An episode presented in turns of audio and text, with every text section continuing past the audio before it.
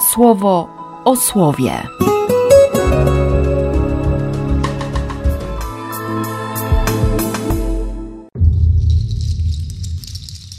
11 sierpnia, środa.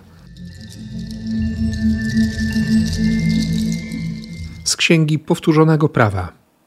Mojżesz opuścił stepy Moabu i wszedł na góry Nebo, na szczyt Piska, który znajduje się naprzeciw Jericha. Tam pokazał mu Pan całą krainę Gilead aż do Dan, całą krainę Neftalego, całą krainę Efraima i Manassesa, całą krainę Judy aż do odległego morza, pustynię i okolice Jericha, miasta Palm, aż do Soaru. Pan odezwał się do Mojżesza: Oto kraj, co do którego przysiągłem Abrahamowi, Izaakowi i Jakubowi, mówiąc: Dam go waszym potomkom. Teraz pokazałem go twoim oczom, bo ty tam nie wejdziesz. I umarł Mojżesz, sługa Pana, w krainie Moaba, zgodnie ze słowem Pana. Pochowali go w dolinie, w krainie Moaba, w pobliżu Bet-peor. Nikt jednak aż do dzisiaj nie wie, gdzie jest jego grób.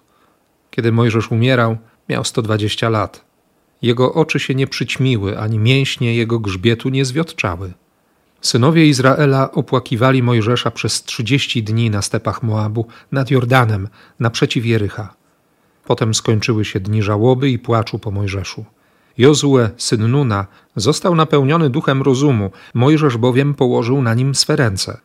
Synowie Izraela słuchali go i postępowali tak, jak Pan nakazał Mojżeszowi. Odtąd już nie powstał w Izraelu prorok tak wielki jak Mojżesz, bo Pan był z nim w bezpośrednim kontakcie, rozmawiając twarzą w twarz, a także z powodu owych znaków i przedziwnych zjawisk, dla spełnienia których w Egipcie wobec faraona, jego sługi całego kraju wysłał go Pan, i z powodu wielkich cudów i dzieł potężnej ręki, dokonanych przez Mojżesza wobec całego Izraela. Z Ewangelii według świętego Mateusza. Jeśli zgrzeszy twój brat względem ciebie, idź, zwróć mu uwagę sam na sam. Jeśli cię posłucha, pozyskałeś swojego brata, a jeśli nie posłucha, weź z sobą jeszcze jednego lub dwóch, aby każda sprawa miała potwierdzenie w wypowiedzi dwóch lub trzech świadków. Jeśli także ich nie posłucha, przedstaw to Kościołowi, a jeśli i Kościoła nie posłucha, niech ci będzie jak poganin i poborca. Zapewniam was, cokolwiek zwiążecie na ziemi, będzie związane w niebie, a co rozwiążecie na ziemi, będzie rozwiązane w niebie. I jeszcze zapewniam was, jeśli dwóch z was na ziemi zgodzi się co do jakiejkolwiek sprawy, by o nią się modlić, to spełni się im za sprawą mojego Ojca, tego w niebie. Bo gdzie dwóch lub trzech jest zebranych w moje imię, tam jestem wśród nich. To już trzecia, w sumie najważniejsza zmiana w życiu Mojżesza.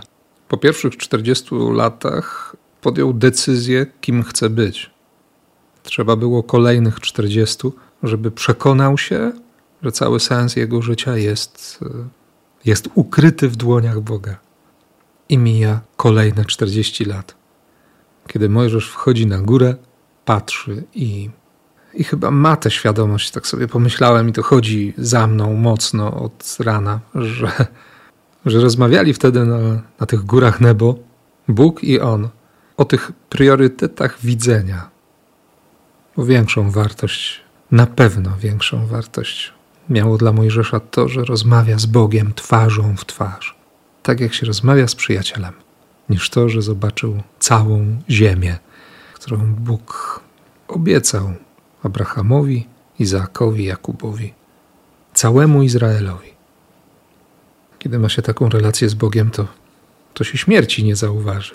Może dlatego niektóre midrasze mówią o tym, że Mojżesz jest podobny do Henocha, który znikł, nagle po prostu znikł, bo go Bóg zabrał, albo do Eliasza, tego porwanego do nieba.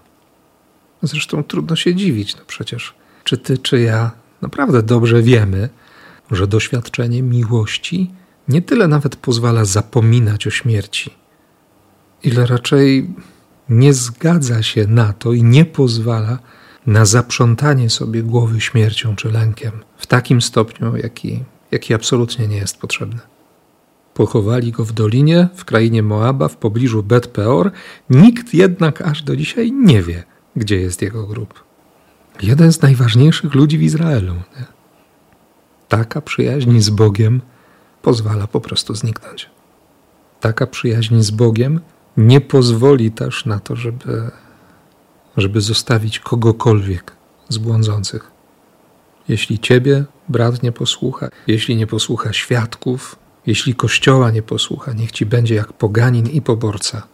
I nie dlatego, że się nimi gardzi, choć taka interpretacja się narzuca, bo tak można by słyszeć to słowo, korzystając z logiki ludzkiej, ale przecież Jezus ciągle chodził do pogan, do poborców. Nie chciał przy kolacji siedzieć sam, to, to szedł do celników. Jeśli brat zgrzeszył i nie słucha, to nie przestawaj być wobec niego świadkiem miłości. I nie chodzi o miłość rzuconą jak ochłap, nie? Z poczucia obowiązku albo, co gorsza, ponad głowami. Bo mogę tak siebie związać jakimiś zasadami mojego postrzegania świata, że na drzwiach bramy Królestwa Niebieskiego będzie taki supeł, taki węzeł gordyjski, że no właśnie, że trzeba będzie miecza, miecza słowa, trzeba będzie cięcia słowem Boga, żeby, żeby uwolnić, żeby, żeby otworzyć mi niebo. Może dlatego od czasu do czasu to słowo tak bardzo boli. A skoro Jezus nas zapewnił, że jeśli dwóch z nas zgodzi się co do jakiejkolwiek sprawy, by się o nią modlić, to spełni się za sprawą Ojca tego w niebie, to będę się dzisiaj modlił za nas, żeby nam Pan otworzył słowem, swoim słowem, serce tak szeroko, by w każdy najmniejszy zakamarek przyjąć łaskę, by nie było miejsca dla pychy, dla egoizmu, dla niewiary i przede wszystkim dla niemiłości i na Twój dzień, i na Twoją modlitwę. Błogosławię Cię, jak tylko potrafię, w imię Ojca i Syna i Ducha Świętego. Amen. Słowo o słowie.